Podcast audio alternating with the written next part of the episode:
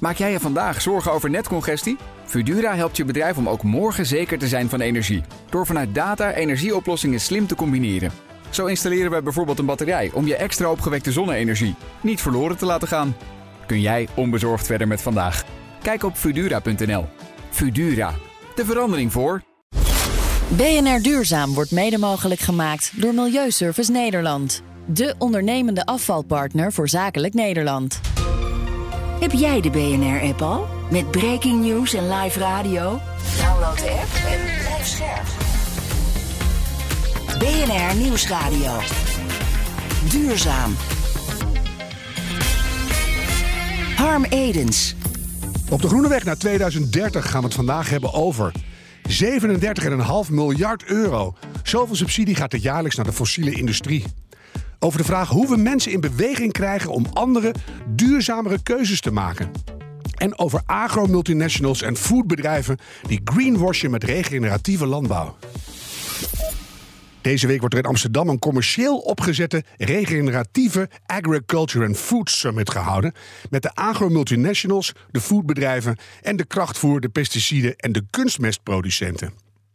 Die gebruiken de term regeneratieve landbouw als groen gordijn om voor hun ouderwetse, helemaal niet groene praktijken te hangen waar we nou wel eens vanaf zouden willen.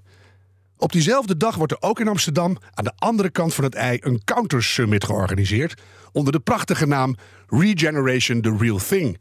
Met pionierende boeren, wetenschappers, activisten, journalisten en bedrijven die daadwerkelijk regeneratief zijn. Want ze willen niet dat regeneratieve landbouw een holle term wordt. Regeneratie stelt het leven centraal. Daarin passen bedrijven die het leven en onze planeet vernietigen per definitie niet. Al dus de organisatoren. Ik ben Harm Eders, dit is BNR Duurzaam. En ons groene geweten is deze keer Nikki Trip van EF Advisors. Hallo. Hi Nikki. Um, groot nieuws, ik begon al een beetje mee. De belastingvoordelen en prijssteun voor de fossiele bedrijven. Er is uitgezocht hoeveel dat nu daadwerkelijk is. Ja, daar wachten we inderdaad al best wel een tijd op. En de Ja. vragen zijn dus gewoon veel hoger dan we aanvankelijk aannamen. Mhm. Niet 4,5 miljard wat je wel hoorde, 17 miljard, maar 37,5 miljard euro. Dat is het bedrag wat de fossiele sector jaarlijks aan allerlei belastingvoordelen krijgt. Nou, dit is uitgezocht in een onderzoek door Milieudefensie, SOMO en Stap Oil International. Wel goed om even te benadrukken, er wordt vaak gesproken over fossiele subsidies. Maar het is geen subsidiepot waar ze uit kunnen graaien. Maar het gaat dus over allerlei fiscale voordelen, prijssteun en overheidsinvesteringen. Maar uiteindelijk scheelt dat de fossiele bedrijven dus kosten. Nou, misschien een concreet voorbeeld. De grootgebruikers van gas. Die hoeven naarmate ze meer gebruiken, minder belasting te betalen. Dit is een groep van ongeveer 170 bedrijven die goed is voor drie kwart van het totale gasverbruik in Nederland. Wat echt superveel is. Ja. Maar ze betalen dus maar 11% van de energiebelasting. Nou, dat lijkt me best wel krom. Nou, nu dit bekend is, wil de regering onder leiding van Rob Jetten die fossiele subsidies gaan afbouwen. Maar op welke termijn en hoe precies, dat blijft nog vaag. Dus ik hoop snel meer. Ja, En Prinsjesdag? Tot die tijd gaan ze met z'n allen weer op de A12 zitten natuurlijk. Dus het lijkt me ook in het belang van het kabinet dat de duidelijkheid komt. En eh, Ja? ik ben benieuwd welke kant het op gaat. Ik wil de luisteraars graag nog verwijzen naar de uitzending die wij maakten over fossiele subsidies. Met Roy op het veld. En eh, die, die heet Kunnen we zomaar stoppen met fossiele subsidies? Dat is natuurlijk een belangrijke vraag. Dan heb jij nog nieuws over het investeren in biodiversiteit. Ja, de ESMA, dat is de Europese Autoriteit voor Effecten en Markten, die laat weten dat de hoeveelheid investeringen in fondsen met een focus op biodiversiteit snel toeneemt. Dus dat is op zich goed. Het is nu nog een heel klein deel van de markt, maar het is duidelijk dat ook investeerders in toenemende mate doorhebben hoe cruciaal biodiversiteit is, want dat is het.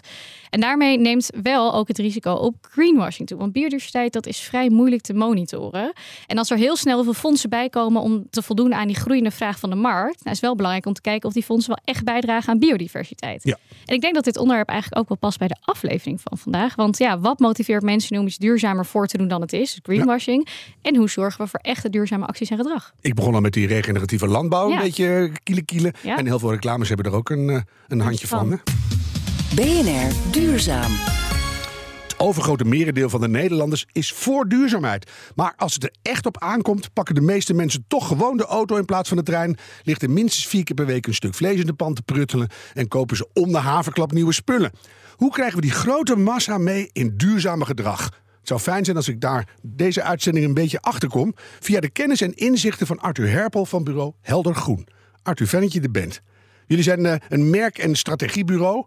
Met grote klanten. Ik heb er een paar uitgezocht. Triodos, Wereld Natuurfonds, Marktplaats. Wat, wat is de kern van wat jij voor die bedrijven doet? Uh, wij proberen groene merken groot te maken en grote merken groen. Dus we werken voor start-ups en scale-ups die de wereld willen veroveren. Mm -hmm. uh, die in essentie al mooi bezig zijn. En we helpen ook organisaties die uh, een transitie willen doorgaan en, en, beter en nuttiger willen zijn voor de maatschappij. Die eerste lijkt me makkelijk, dat is mooi, die kan je helpen, die ja. kan je steunen. Die tweede lijkt me heel moeilijk, want voor je het weet ben je, wat we net ook al zeiden, aan greenwashen. Hè? Van uh, dit pakje wordt met de fiets bezorgd en dan duik je erin en het blijkt het over de laatste 800 meter te gaan. Mm -hmm. uh, hoe, hoe, is die verhouding bij jullie? Hoe zuiver kan je werken? We doen dit al twintig jaar, uh, dus we hebben in principe wel de kennis en ervaring om, om die valkuilen te omzeilen. Mm -hmm. Maar aan de andere kant ook dat ik af en toe een beetje moe word van de greenwashing die vlammend werkt voor mensen die binnen grote organisaties een transitie willen ondergaan. Waar de groene voorhoede uh, vrij veel zout af en toe op, op hun intenties legt. Mm -hmm. En dan werkt het in mijn ogen weer enorm verlammend. Uh, voor de transitie die we ondergaan. Dus, dus, iets, iets wat in het begin misschien een beetje greenwasherig zou over kunnen komen, maar wel het begin is van een verandering, wordt dan al neergeknuppeld. Omdat eh, ik heb het vaak met Friesland Campina on the way to mm -hmm. planet proof. Dan mm -hmm. zeg ik altijd, wanneer zijn we daar dan? Ja. Over 300 jaar. Ja. En dan, dan zit ik het alweer te verpesten bijna. Bedoel je zoiets? Ik denk dat dat voor goedwillende mensen binnen dat soort grote organisaties erg verlammend werkt, ja. ja dat is natuurlijk het cruciale woord. Goedwillende mensen. Ja, en, en, en dat is heel moeilijk om te doorgronden. Van, Wat zijn de intenties van mensen binnen grote organisaties die de transformatie willen doorgaan? Maar zeg jij net, we doen het al twintig jaar, dus ik, ik doorzie dat wel een beetje. Waar zie je dat aan? Of, hoe kom je erachter? Of het nou echt een goede wil is, of dat het zegt, nou, we gaan lekker door en we doen er een, een Arthur-laagje over en dan zijn we klaar. dat verschilt echt per vraagstuk, uh, Harm. Ja. Dat, dat, maar ben, je het wel sterk Ik heb geen boekje uh, dat zegt, nee. oké, okay, dan moeten we het wel doen en dan moeten we het niet doen. Mm. Maar heb je wel eens dingen teruggegeven die zegt, nou, dat wordt mij al te mal. Uh, nee, eigenlijk niet. Kijk, we hebben het voordeel dat we helder groen heten. En, en ja, bedrijven komen automatisch bij ons toe als hun intenties wel aan de enorm zuivere kant zijn. Dus ik heb niet vaak met die problemen te maken. Nee, maar je hebt nu een, een campagne, is mm -hmm. een cruiseschip, de cruise van de toekomst. Hè? Ja. We hoeven niet alle lampen tegelijk aan te hebben. We hebben uh, LNG in de motor. Het gaat allemaal super duurzaam. Alsof je gewoon op de Titanic van 2130 vaart. En die, dat schip is er nog helemaal niet en het is allemaal gelogen. Dus dat, dat zou jij dan niet doen met Helder Groen. Uh, klopt. Als Shell morgen belt, wil een hele duurzame campagne, wat doe je? Nee, op dit moment met alle feiten en informatie die we hebben, denk ik dat we nee zeggen. Uh, maar ik sluit het niet uit op voorhand. Mm -hmm. Juist als bureau met 20 jaar ervaring hierover. En we kunnen een olietanker letterlijk als Shell draaien. Ja, en de intenties kloppen en de agenda klopt. Het verhaal klopt. Dus je gaat ja. in eerste instantie in gesprek en je Juist. kijkt waar je uitkomt. Juist. Juist. Ik zei het al in mijn intro, vrijwel niemand heeft iets tegen duurzaamheid. Als je Thierry Baudet even aan de kant Mhm, zet. mhm. Maar de grote meerderheid gedraagt zich er niet echt naar. Ja. Ben jij er ondertussen achter hoe dat komt? Nou, het, het helpt sowieso niet mee dat het woord duurzaam zit het woord duur in. Eh, eh, Ja, dat blijft, ja, maar, hè? nee, maar Ja, ja. er zit in, in taal hebben we gewoon een enorme uitdaging. Eh, je, je probeert net het woord ge- regeneratief eh, op zes verschillende manieren goed uit te spreken. Ja, dat, Ik vond het zes keer goed ja, het, ging best goed. Eh, en circulair, joh, we hebben in taal zoveel barrières vanuit de groene voorhoede gecreëerd. Ja, die moeten we beslechten. Mhm. Eh, en het leuk, lekker, aantrekkelijk maken. Ja. En, en dat werkt even in taal En dat, dat, niet altijd mee. nee, dus dan, dit onderwerp. dan kies je voor iets lekkers en iets leuks en het, het, het betere alternatief. Of het is, eh, de, de prijsprikkel komen we zo wel op. Mhm. maar, en heb je dan het gevoel dat je eh, eh, eigenlijk een hele eigen werkelijkheid aan het presenteren bent? Omdat je dan de, de noodzaak waar het uit voortkomt maar weglaat. Want dat is te ingewikkeld of te zuur of te, te doemdenkerig. Of zeg je van nee, het is sowieso beter om, om je eigen mooie verhaal te vertellen. Eh, dat was, waren drie lange zinnen. Nee, Mhm. kijk, met name het niet, probeer niet uit te leggen waarom het allemaal de ene het niet goed is en de ander wel goed is. Maar probeer het verhaal te ontwikkelen voor, het alternatief. Wat maakt dat nou boeiend en interessant om te omarmen? Geef eens een voorbeeld waarvan je zegt dat is, dat is de goede belichting in plaats van het, het- de, de zure aanleiding. Jeetje, dan ga ik toch eh, heel makkelijk even reclame maken voor een van onze start-ups waar we Ja, voor werken, namelijk de Goodroll. Eh, het meest duurzame wc-papiermerk eh, ter wereld. Ja. Eh, we proberen niet mensen te overtuigen om die wc-rollen aan te schaffen over de as van het alternatief is slecht en de wereld gaat kapot. Nee, door die wc-rollen zo aantrekkelijk mogelijk te presenteren en het zo leuk mogelijk te maken in, in taal en vormgeving van de wc-rol. Volgens mij ligt er daar één. Het ziet er Jazeker. spectaculair Ja, uit. bij mij is het al gelukt inderdaad. Ik heb ze thuis al staan. Ja, maar ik heb ze omdat ik geleerd had dat het veel beter was dan de rest van het Ja. wc-papier. Ja. Dus ik ben waarschijnlijk van die oude generatie die heel graag eh, argumenten wil. Mhm. Maar het gros van alles wat er nu eh, eh, dus rondspringt in de maatschappij, zeg jij, die wil eigenlijk alleen maar een leuk alternatief. Ja, die zijn makkelijker te verleiden vanuit eh, boodschappen en informatie waar zij iets aan hebben. En, en jij behoort denk ik tot de groene voorhoede. En je bent vanuit de argumentatie en de verandering die je ziet die noodzakelijk is, ben jij al omgegaan. Ja. Maar een grote groep mensen is niet per se een fundamentalist ten aanzien van eh, de duurzame transitie. Die hebben gewoon een lekker leventje en die zijn op zoek naar leuke dingen die hun leven verrijken. Ja, dan denk ik, dat lekkere leventje, dat komt binnen nu en, en zes jaar ernstig in gevaar. Ja. Dus we moeten snel gaan schakelen. En wat doet de reclamewereld? Die blijft gewoon maar dat lekkere leventje promoten. Met een klein aanpassing hier en daar is er geen vuiltje aan de vervuilde lucht. Arthur, Ja, nee, dit is onze rol. Eh, ik denk dat Ja. media en de ook overheid hebben mens, ook een misschien ook kinderen of misschien Ja, een visie. Nou, dan denk je Ja. ook, het moet misschien wat sneller of wat fundamenteler. Nee, maar ik kan mijn zoon uitleggen waarom, hij, waarom boeken lezen een goed idee is. En, en vertellen dat dat goed voor zijn toekomst is. En de lange termijn, als hij later ouder wordt. En dan haakt hij al af halverwege die dialoog. maar als ik hem een boek over Ajax geef, dan gaat hij lezen. Gaat hij lezen. Nou, eh, uiteindelijk, eh, het doel Oké. heiligt de middelen. En Dus ik denk als we de grote massa... Ja. Ja, nee, je zei in een column, dat vond ik wel mooi samengevat in adformatie. We hebben meer behoefte aan Theo Maassen die duurzaamheid door de gehaktmolen haalt... dan aan Jan Terlouw die de urgentie aangeeft oh, eh, met allerlei argumenten. Ja. Zo simpel is het. Ik vond het wel een mooie quote. Ja. eh. Nee, die, die sprak mij ook meteen aan. Maar it- it- hoe heb je getest hoe waar dat is? Of geldt dat per, inderdaad per bevolkingsgroep? Ik denk dat dat gewoon de algemene communicatiewetten zijn... die we gewoon toepassen op dit domein waar wij als Helder Groen in actief zijn. Ja. En eh, dat is niet iets nieuws. Eh, maar je ziet in de hele reclamewereld, communicatiewereld... het wordt allemaal wel heel erg purpose gedreven en zwaar. En je ziet dat uit eh, de, de reclameprijs in Cannes... dat humorcampagnes Ja.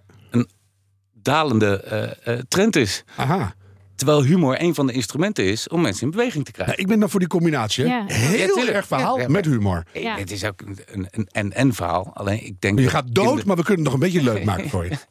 Nou, ik denk dat er, hoe, hoe, hoe dichter bij de urgentie komt, dat de verandering binnen mensen echt. eh, Corona hebben we heel snel met z'n allen opgepakt. Dus ik denk dat het gewoon nog niet dichtbij genoeg. Nou, daar zeg je iets. Want ik sprak laatst met Jan Terlouw. En die keek mij wat mee waren gaan. En toen hadden we het ook een beetje over hoe communiceren we daar nou over. Mhm. Toen zei hij, Harm, het maakt eigenlijk niks uit. We hebben hele grote rampen nodig die onszelf eh aantasten. Ja. En de rest is geneuzel. ik ben bang dat ik het met hem eens ben. Nicky, hoe lu- luister jij ernaar? Je bent toch wat jonger? Ja, eh, en mijn achtergrond is ook in psychologie en juist proberen mensen te, te veranderen. Dus ik probeer dat te doen en dan in de financiële sector. Maar ja, ik denk dat het. Eh, ik snap het verleiden en ik weet dat het positief verhaal goed werkt. Mensen zeggen ook altijd tegen mij, oh, je moet niet zo zwaar, het moet allemaal Hmm. positief. Maar ik moet zeggen dat ik daar soms een beetje recalcitrant van word. Omdat ik denk, nee, maar het is heel erg, jongens. Ja. Dus ik, ik vind dat soms lastig. Dus ik denk dat het goed is dat er mensen zijn die dat wel kunnen en daar een passie ook in hebben in dat verleiden. Ja. Maar ik denk best dat we er af en toe wel wat zwaarders onder mogen hangen om wel te blijven benadrukken dat het niet alleen maar leuk is. Het kan, er kunnen leuke onderdelen zijn van die transitie, maar het is ook gewoon nodig. Het is niet een- een keuze of Nee. zo. Nee, precies. En, Nee. en Wopke naar Europa. Ik krijg er gewoon geen humor in, Arthur. Mm. Ja, lastig. Kijk, het, het, het- daar kom ik weer met Jij mijn hoop niet, en positieve blik. Eh, Arnold Schwarzenegger was als republikeins congressman Ja. in staat Senator. om de strengste wetgeving toe te passen in California van heel Amerika. Ja. Ja, dat is niet over de as van eh, waarheid en doemdenken gegaan. Dat is over de as van positieve verbinding gegaan. Dat hij dat voor elkaar heeft gekregen. Of angst. Die Dus ik waren denk allemaal dat er- scheidbenauwd voor, voor, Ja, de, nee. voor de Terminator. Dus, eh, een lekker sigaren roken in Ja, zijn binnentuin met mensen om te verbinden. Ja. Dus eh, ja, ik denk dat er een rol is voor eh, mensen die over de as van de wetenschap en de waarheid eh, een, een wat uh, sombere scenario schetsen. Maar ik denk dat er net zo goed heel veel mensen moeten rondlopen die Ja, vanuit de positieve verbinding en optimisme, wij ondersteunen de happy activist. eh, Mhm. af en toe moet je ook hij- ergens wat hoop vandaan trekken. Ja, natuurlijk. Ja, maar daar Ja. luisteren mensen graag naar. Zullen we even naar Linda Steg luisteren? Zij is hoogleraar omgevingspsychologie aan de Rijksuniversiteit Groningen. En dit zegt zij over gedragsverandering. Dus het is ook heel belangrijk dat mensen weten wat ze kunnen doen en dat ze ook onderkennen dat ze niet de enige zijn die dat doen. En we hebben vaak een veel te negatief beeld over wat anderen eh, willen en doen. Dus mensen onderschatten omvattende bereidheid en de, eh, van andere mensen. En dat kan je ertoe weer- weerhouden om zelf dingen te doen, omdat je dan denkt, ja, dat heeft geen zin. Het is een druppel op de gloeiende plaat. Nee, die bij die druppel op de gloeiende plaat. Daar denk ik altijd aan wat Jane Goodall tegen mij zei. Als er één druppel op een gloeiende plaat valt, dan koelt hij toch heel kort, heel klein beetje af. Bij tien is het meer, bij duizend is het nog veel meer. En bij een tsunami aan druppels kunnen we de plaat veranderen. Ja. Toen dacht ik, ja. Ja. Jij noemt de transitie in duurzame energie als voorbeeld. De reden waarom mensen zonnepanelen aanschaffen is meestal niet omdat ze daarmee de CO2-uitstoot willen verlagen. Nee, ik denk het niet. Nee. Maar waar ligt het wel aan? Nou, een prijsprikkel. En, en, dat is heel fijn dat er een eh, functionele benefit zit aan, aan een, een, positieve verandering. En eh, dat ten aanzien van energie. Maar de, de Prius is geïntroduceerd echt al lang geleden. Eh, en die was in de beginjaren niet een succes, omdat iedereen dacht: Oh, ik ga nu opeens duurzaam gedrag vertonen. Nee, eh, Cameron Diaz en Leonardo DiCaprio werden in die auto gezet. En daardoor was die auto cool. En hij stond, hij zat in een prachtige serie eh, over de politiek. Ben ik even de naam kwijt. Ja, Eh, als product placement. Ja. En daar zat hij in. Ja, en dat, Het werkt. zo simpel werkt het. Ja, maar doen we dat dan goed in Nederland? Of zullen- zouden we veel meer prominente Nederlanders duurzaam gedrag moeten laten vertonen? ja, ik denk dat je eh, eh, daar zeker aan moet gaan denken. Ja, maar dat Eh, zie je ook bij XR toch? Bijvoorbeeld eh 9 september zijn Tim Hofman er, Chris, Hou, eh, Chris eh, Van Houten? Ja, van Hout, Mhm. de actrice is er. Ik denk dat dat wel helpt om te laten zien, juist om eh, veel zichtbaarheid te geven aan ook, hè, wat in, net in de quote werd gezegd, dat het belangrijk is dat je weet dat andere mensen ook wat aan het doen zijn. En dat Klopt. iedereen, ook de gewone mensen en iedereen daarbuiten zorgen. zij, zijn wel, zij zitten wel in de deugnieten hoek. Ja. Kijk, en, en, en, en, eh, zij zijn ook de voorlopers. En, en, en dat verwacht je ook bijna van ze. Ik denk dat we behoefte hebben eh, eh, vanuit vleesvervangers. We werken voor Vivera. Ik denk dat een, eh, een voetballer die Ja. Niet bekend staat om zijn duurzame opinie. Als hij Vivera gaat eten. Messi. Messi Want moet die maakt Vivera- sinds Ja. deze week maakt die reclame voor Burger King. Ja, Messi maakt overal Ja. reclame. Als ze heel veel betalen, maakt me reclame. Doet hij maar gewoon eens een keer iets voor het goede doel. Heeft toch al geld zat. Ja. Zou je kunnen Ja. zeggen, eh, grosso modo, dat als je de milieu- en klimaatkosten echt gaat meenemen in de prijs, dus true pricing, dat Mhm. dat de beste reden is voor mensen om te gaan verduurzamen? Ja, dat denk ik wel. Nou, Ja. is dat toch opgelost, Nicky? Ja, lijkt me een heel goed idee. Eh, ik denk dat het juist goed is eigenlijk ook om te zien dat heel veel dingen die we nodig hebben, eh, die leveren ook wat op, bijvoorbeeld zoals zonnepanelen. Dus ik denk dat die wisselwerking ook eh, mooi is en dat als we dat moeten gaan doen om mensen zover te krijgen, dan moeten we dat ook doen. BNR Nieuwsradio. Duurzaam. Harm Edens. Elke dag vlees op je bord met het vliegtuig naar Turkije voor een weekje all in. En is je wasmachine stuk, dan koop je gewoon huppakee meteen een nieuwe. We zien klimaatverandering om ons heen plaatsgrijpen, maar we blijven ondertussen gewoon doen wat we altijd al deden. Hoe kunnen we duurzaam gedrag stimuleren? Daarover praat ik verder met Arthur Herpel van bureau Helder Groen. En dat doe ik samen met Nicky Trip, mijn groene geweten van vandaag. Arthur, jullie zitten heel erg eh, op dat vlak van communicatie. Dat zit voor jullie ook de sleutel tot heel veel dingen. Laten we even luisteren naar een spotje van een merk dat iedereen kent. Mam, onze presentatie gaat over duurzaamheid. We kunnen toch niet met de auto? We worden steeds duurzamer. Zo, vandaag met de fiets. Duurzaam hoor. Ja, duurzaam. Ja, c'est moi. Wanneer Dat ga je nog met de auto? Nee.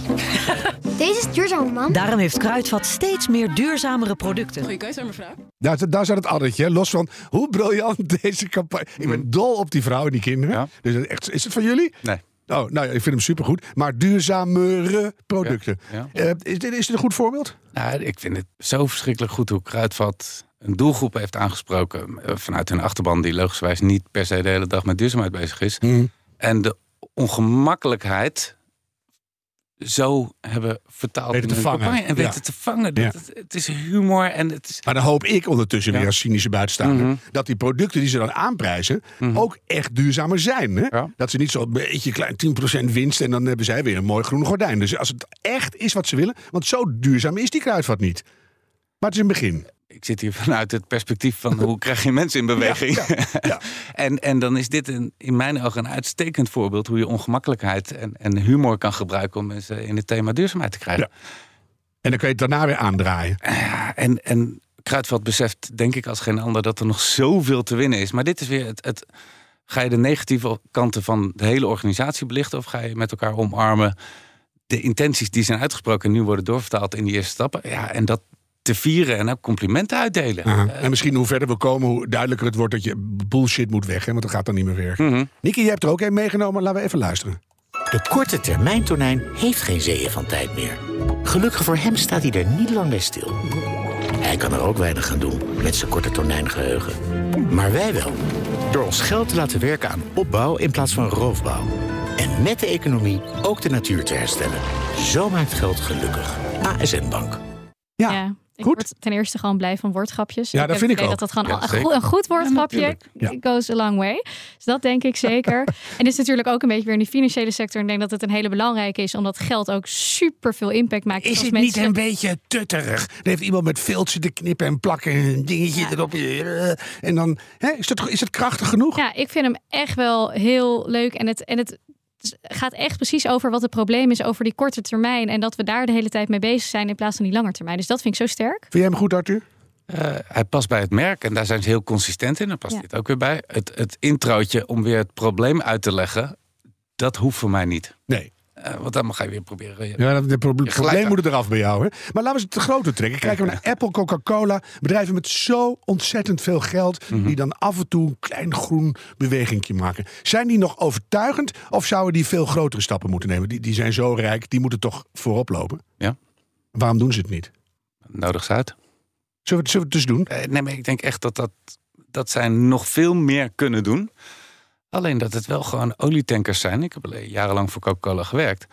Ja, dat zijn systemen die... die Jawel, maar weet je, ik was er tien jaar geleden of langer. Gingen ze aan die fles rommelen. En dan kwam er eens een zoetstofje in een rommelde pommel. Terwijl je kan ook zeggen, het is het enige bedrijf waar eh, drie mensen miljardair van worden. En de rest van de, van de planeet krijgt tandrot en obesitas. Dus, eh, en plastic in het en plastic. Dus moet, moet dat niet eens wat beter allemaal? Ja.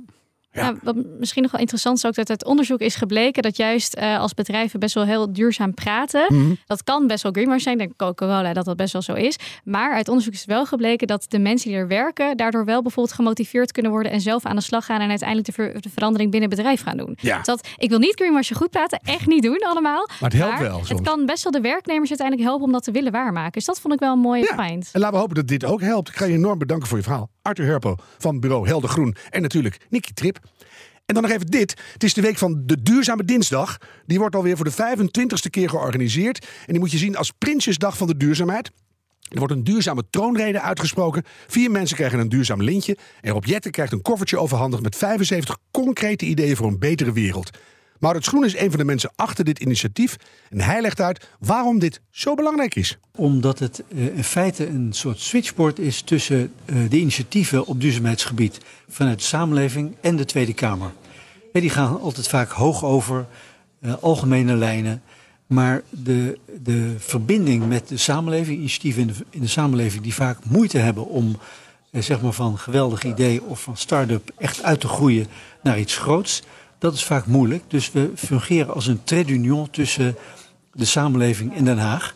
Het mooie is dat in de afgelopen jaren, en die mensen zullen ook bij deze 25 jubileumeditie eh, aanwezig zijn, dat een flink aantal van die bedrijven uit zijn gegroeid tot echt grote bedrijven met tientallen miljoenen omzet, vaak multinationals op duurzaamheidsgebied. Prachtige voorbeelden die ook echt wat hebben gehad aan het feit dat ze in, in Den Haag op het podium van Duurzame Dinsdag het contact hebben kunnen leggen met de, met de politiek, zich hebben kunnen tonen op dat platform.